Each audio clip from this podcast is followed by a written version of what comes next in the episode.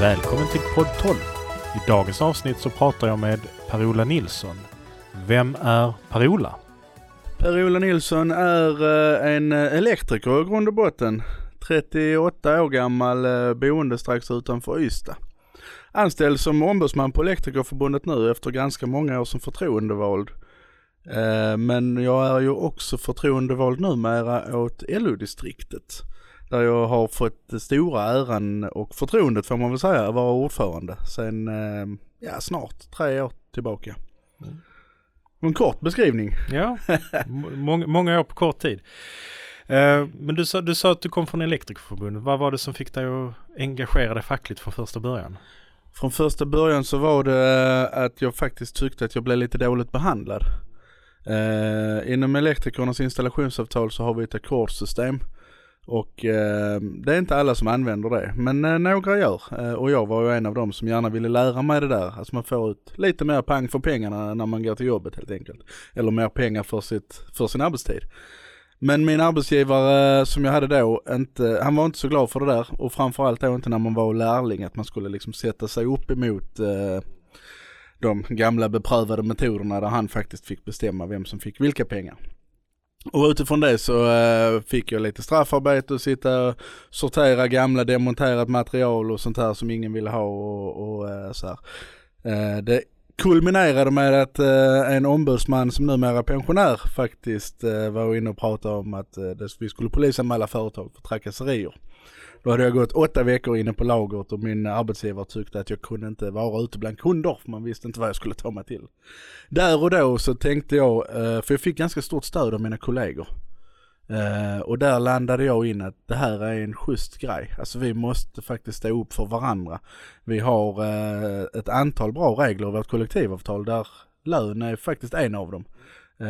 Och de stöttade mig i det och det tyckte jag var jäkligt bra. Så där någonstans väcktes mitt engagemang i, i eh, fackliga frågor och i sammanhållning och solidaritet. Och nu är du LO-distriktet Skånes ordförande. Så är det. Sicken resa. Um, I och med att det är ju valår i år, för detta spelas ju in i juni 2022 och i år är det valår. Så jag tänkte bara prata lite om, man hör ju som facklig förtroendevald och aktiv i, i, för, i en fackförening så hör man rätt ofta just den här frågan med varför, varför ska facket engagera sig politiskt och eh, jag tycker att facket borde sluta hålla på med politiken mm. för att mm. vi ska bara förbättra för oss arbetare och sånt där. Mm. Eh, när du får den frågan eh, eller det påståendet mot dig, eh, hur reagerar du och vad, vad, vad, brukar du svara en sån som svarar på det eller frågar på det sättet? Nej men, men så här, alltså man, man, kan ju alltid titta på stadgar, man kan titta på samhällsstruktur, man kan titta på jättemycket olika saker. Men, men i grund och botten så här så har vi faktiskt, vi har våra fackföreningar för att vi har behov av varandra. Eh, där vi, eh, om jag kräver att få min lön som lärling så kommer jag aldrig få det, min ackordslön. Men om mina kollegor också kräver det så är det klart att då kommer vi till att få det. Va? Eh, och det där är ju någonting som går att etablera på vilken fråga som helst. När vi ställer samma krav gemensamt så kommer vi faktiskt till en större framgång än om jag ställer det enskilt. Jag har som sagt min bakgrund i, i eh, elbranschen eh, och det vill säga byggbranschen. Om jag går in i en byggbod och, och pratar med, med lirarna där, ofta män, eh, ofta vita, ofta i, i medelåldern. Eh, lite generaliserat. Men om jag frågar dem vad deras behov är i samhället så svarar de ungefär samma sak. Alltså man vill ha en, en eh, trygghet, man vill ha eh, en sjukvård som fungerar, en schysst skola för sina ungar Eh, ett samhälle där, som, där helt enkelt alla får plats. Va? Och det där förenar oss. Sen har vi alltid lite varianter, eh, olika intressen och, och så här va. Men i grund och botten så har vi ganska gemensamma uppfattningar. Och därför har vi också inte bara våra kollektivavtal som reglerar våra arbetsplatser med gemensamma intressen. Men vi har ju faktiskt också sagt att vi ska ta tillvara våra medlemmars bästa i arbetslivet och i samhället. Så står det skrivet i våra stadgar och i LO-förbundens eh, stadgar. Eh, och utifrån det, om vi vill jobba i samhället, så tänker jag att det, det, klarar vi inte genom våra relationer med arbetsgivaren. För arbetsgivaren stiftar inga lagar och bestämmer liksom inte hur skolorna ska se ut till exempel, eller hur sjukvården ska organiseras. Eh, fick ju ett nytt exempel här bara igår, tror jag det var, där man börjar prata om fusk inom ROT och RUT, eh, ja, läxhjälpsföretag och, och eh, trixande småfirmor som jobbar med rotavdrag. Alltså det är ju inte ens utbildad arbetskraft men de konkurrerar ju ut de som är seriösa. Den där kampen klarar inte vi själv. Men eh, det här är ju en statlig stimulansåtgärd, man kan tycka vad man vill om den, men den finns där. Men vi klarar inte kampen där själv och styra hur det där ska gå till och vem som får ta del av det systemet. Eh, samtidigt så har jag själv förälder och har tre barn. Det är väl klart som fan att jag är intresserad av hur skolan funkar för dem. Uh, och att det finns ett ordentligt föreningsliv och så vidare och så vidare. Du var inne på det här med att arbetsgivare stiftar liksom inga lagar och sånt där. Och uh, personligen liksom så vill man ju ha ett tryggt, liksom inte bara, inte bara liksom på arbetslivet utan som du sa där med skola, vård och omsorg. Mm. Och vi är ju så pass många som du själv sa, man gick ihop för att kunna kräva liksom när du började engagera liksom, du förstod styrkan i, eh, i, ehm, i eh, gemenskapen, liksom styrkan i gruppen. Och det är ju så som jag läst mig till att hela fackföreningsrörelsen började, att man mm. förstod liksom att man kunde liksom få förändringar ihop. Men sen snabbt insåg man att man måste engagera i, i riksdagen för att få lagar för att annars blir det väl en arbetsplats kanske får jättebra saker. Mm. Men en annan kan ha hemska saker, mm. eh, förhållanden och sånt där för att det finns inga lagar som styr. Jo men, men så är det ju, så är det ju. Eh, alltså ett medlemskap eh, i, i, en fackförening eller en röst i politiken det är ju egentligen en väldigt, väldigt egoistisk grej. Eh, ofta så pratar man om att ja men du ska vara medlem i, i eh, facket för att vi ska ta eh, kamp för de som eh, inte har det bra på sitt jobb och, och, så här. Och det är klart att det ska facket göra. Men det är ju inte för deras skull jag ska vara medlem.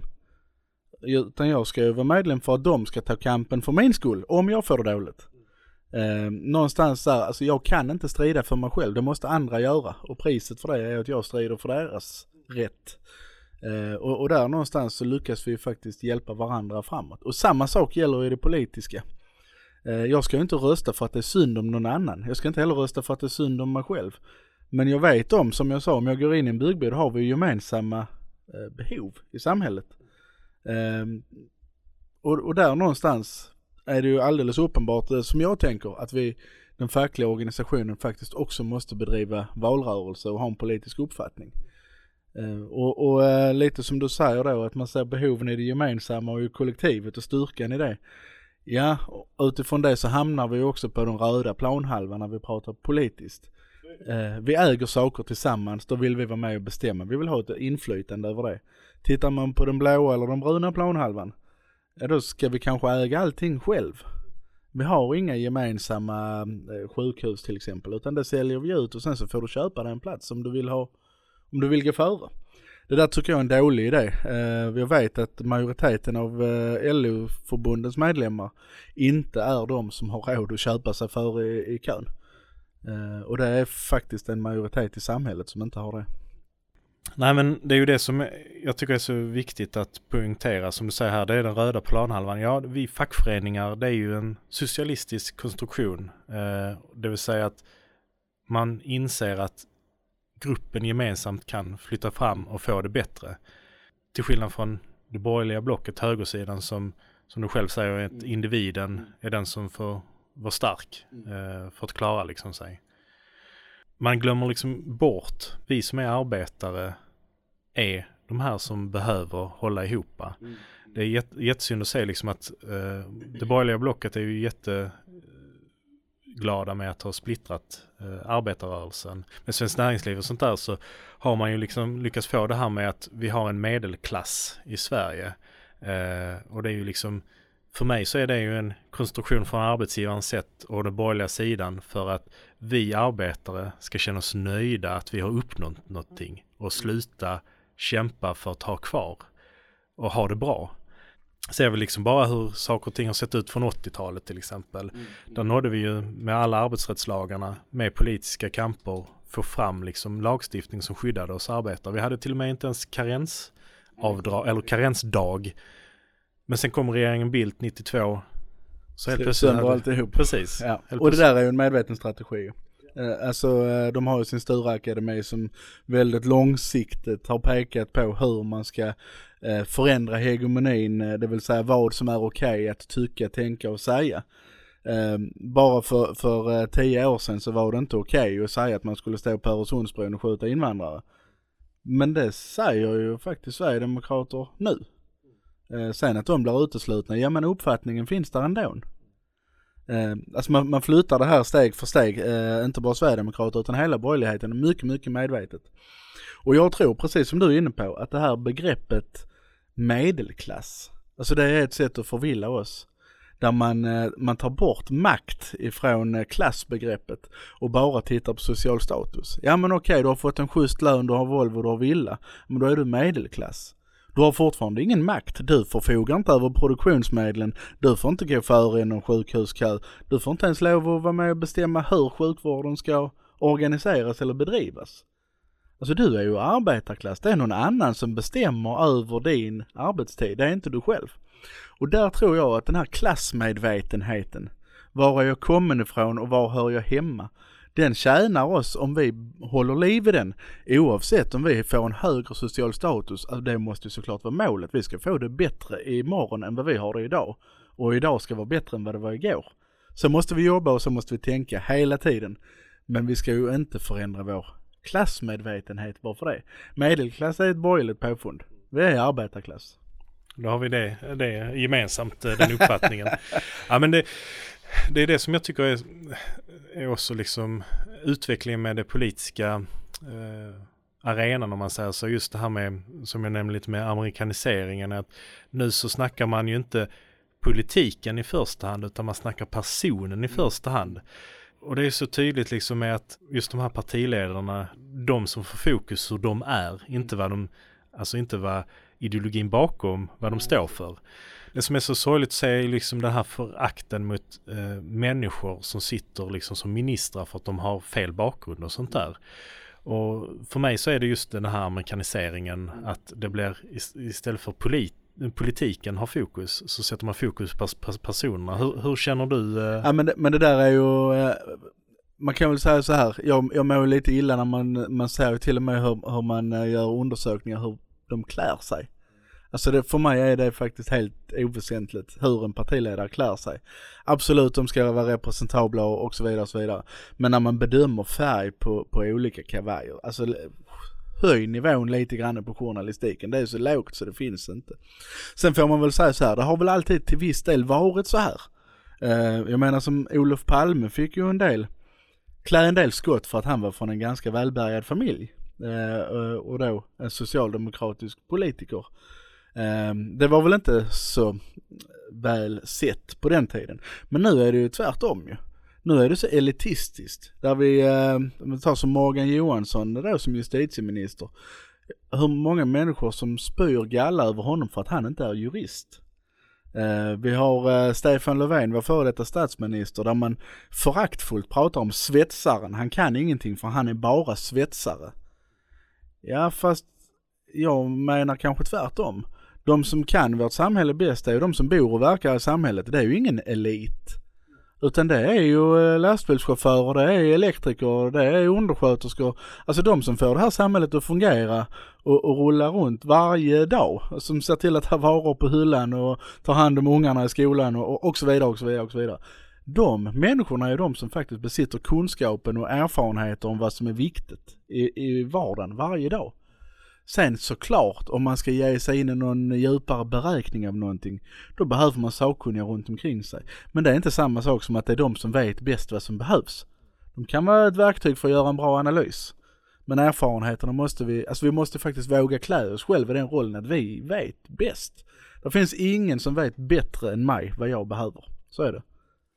Så, så är det verkligen och det är det som eh, det är det som vi måste ta väl hand om för att kunskapen just bara liksom om riksdagen. Tycker jag är så synd att den är, har blivit så jäkla låg att eh, ja men frågar man vem är det som stiftar lagarna Mm. i Sverige?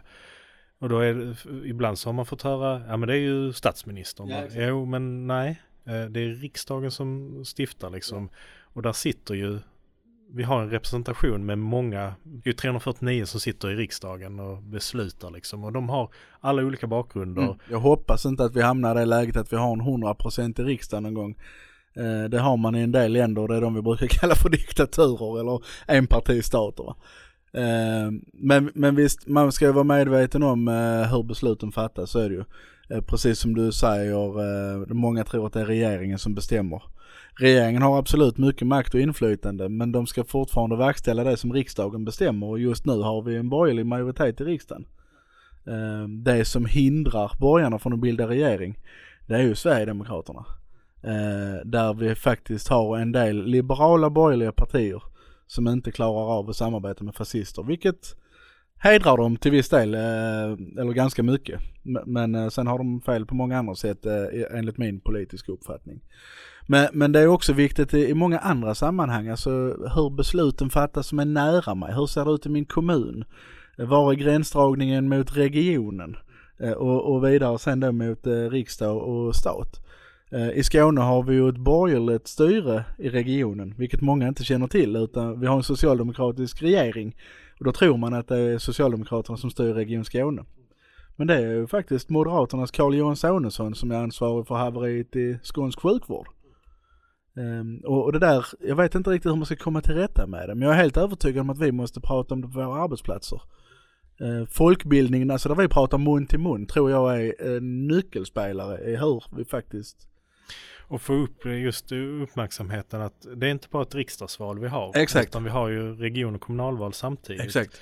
Och för att, vad var det SVT hade väl gjort en sån undersökning om just om folk vet vad regionen ja, gör. Ja. Och det var liksom, vad var, alltså det var en skrämmande låg procent som ja. faktiskt visste vad en region gör. En klar majoritet som inte visste vem det var som styrde. Ja. Och det, det som är sorgligt med det som du säger med sjukvården och sånt där så, så blir det det här politikerföraktet för att man bara föraktar att ja, men det är de där uppe ja. i Stockholm ja. eh, som håller på och gör livet surt för en.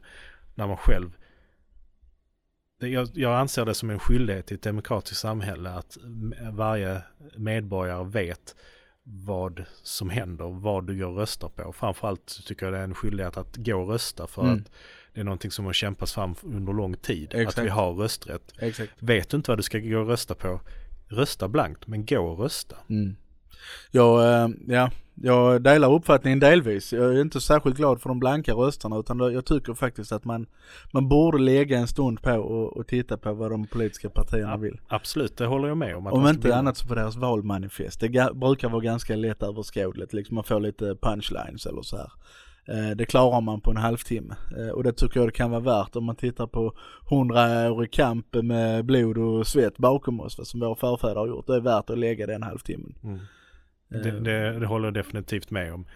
Um, så gå för, för tusan och rösta och gå och, se till att läsa läs vad som vad de olika partierna vill. Exakt, så får man rätt snabb och enkel uppfattning om att vem står på en arbetares sida, vem står inte på en arbetares sida. Absolut. Och faktum är också att om man är lite osäker på var partierna står i olika frågor, man kan alltid ringa och fråga dem. Men då får man såklart ett väldigt, väldigt partiskt svar. Ibland säger jag så här, prata med dina förtroendevalda. Alltså inom facket. För om det, jag kanske inte bryr mig om allting inom politik. Men ofta så är jag intresserad av och direkt påverkad av saker som rör min bransch och min del av arbetsmarknaden. Och där brukar faktiskt de fackliga förtroendevalda vara ganska pålästa. Vilka partier som driver vilka frågor och sånt där. Och det liksom slår rakt in i min vardag. Så är du lite osäker, prata med dina fackliga förtroendevalda. Det är faktiskt ett tips. Eh, så vi kan egentligen konstatera att vi arbetare är väldigt beroende på, av vilken politik som förs. Så är det. Så, så eh, glöm för tusan inte bort att läsa på lite. Men samhällsutvecklingen den eh, här senaste tiden, eller om vi ska säga under tiden som du har varit medveten om politik. Hur tycker du liksom samhällsutvecklingen gått? Har det gått från bättre till sämre, sämre till bättre eller har det varit stagnerat att ingenting har hänt i samhället? Alltså det, jag tror att det beror väl lite grann på var man tittar och hur man tittar. Jag ska väl börja med att säga så här att jag har det ganska, ganska bra. Va? Det är inte synd om mig på något sätt. Eh, men jag ser ju människor som hamnar jäkligt illa i samhället. Eh, senast igår så satt jag i en diskussion där eh, vi har jätteköer inom barn och ungdomspsykiatrin. Alltså när, när barn och ungdomar far illa och inte mår bra eh, av psykisk ohälsa. Alltså det är inte tid att vänta i ett och ett halvt år. De måste fan få hjälp och, och det, det går på fel håll. Alltså klarar vi inte av att hjälpa eh, barn som inte mår bra, då, då har vi stora bekymmer. Det är abs min absoluta uppfattning. Um, jag tycker att Sverige överlag eh, går ganska bra. Vi har ett schysst samhälle. Men jag tycker att det går på fel håll i form av vanliga människors inflytande. Eh, alltså den vanliga, vanligt folk är inte delaktiga i samhällsdebatten på samma sätt. Man ser dem inte i, i debatten i nyheter eller i, i, eh, olika samhällsprogram eller så här.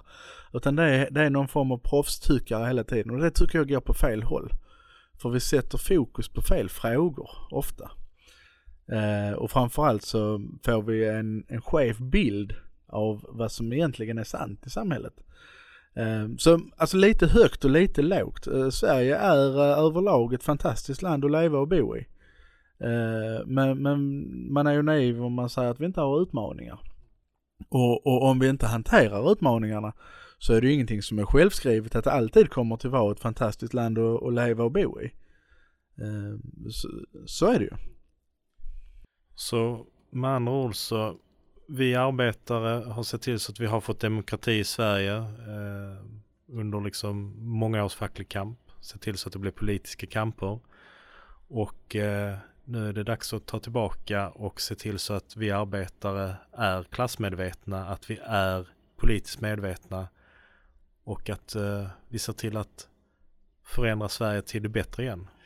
Ja men, ja men exakt. Alltså under, som du säger, vi, vi, byggde, vi byggde Sverige under många, många, många år, alltså över hundra år. Men, men, ibland så bygger man en maskin eh, så pass bra så att den är liksom eh, självsmörjande och hamnar i självsvängning. Man behöver inte ens tanka utan den bara rullar på och tuggar på. Och vi byggde en in i helvete bra maskin med, med fantastiska lagar med arbetsmiljö och medbestämmande på arbetsplatser och, och så här va. Ett demokratiskt inflytande med egna partier, med representation i riksdag och så vidare och så vidare. Um, och, och framförallt omfördelning i samhället från rik till fattig. Men när man har byggt den där så tillräckligt bra så man tror att den går av sig själv så är det väldigt lätt att man tar fingrarna ifrån den va. Eh, och låter den snurra sitt eget liv, att nu är vi klara. Men så fort man tar fingrarna ifrån det där så är det ju någon annan som ser vår maskin och tänker att den där kanske jag vill köra. Eh, och det är nog där vi har hamnat lite grann va. Där arbetarna har backat ur, jo men vi är klara. Men nu är det ju någon annan som tar över vår maskin om inte vi är på plats. Eh, och det tror jag är en eh, risk. Jag har en absolut uppfattning att vi behöver ha fler arbetare som tar del i beslutande forum. Oavsett om det är nämnder, förvaltningar, riksdag, region, kommun. Alltså överallt behöver vi faktiskt ha arbetare för annars så tappar vi hela arbetarperspektivet. Eh, och där vi faktiskt får någon form av akademikervariant eller eh, tjänstemannavariant på vad som är viktigt i samhället. Jag säger inte att det är oviktigt, det är klart att det är. Men det är kanske inte mina behov som elektriker som de representerar. Utan det är, det är ett annat perspektiv. Men de kör ju vår maskin nu för att de såg hur jävla bra de blev. Så den behöver vi uh, ta tillbaka uh, och återigen, det bygger ju faktiskt på vår röst i, i september. Och med det så uppmanar vi alla som lyssnar att uh, gå och rösta.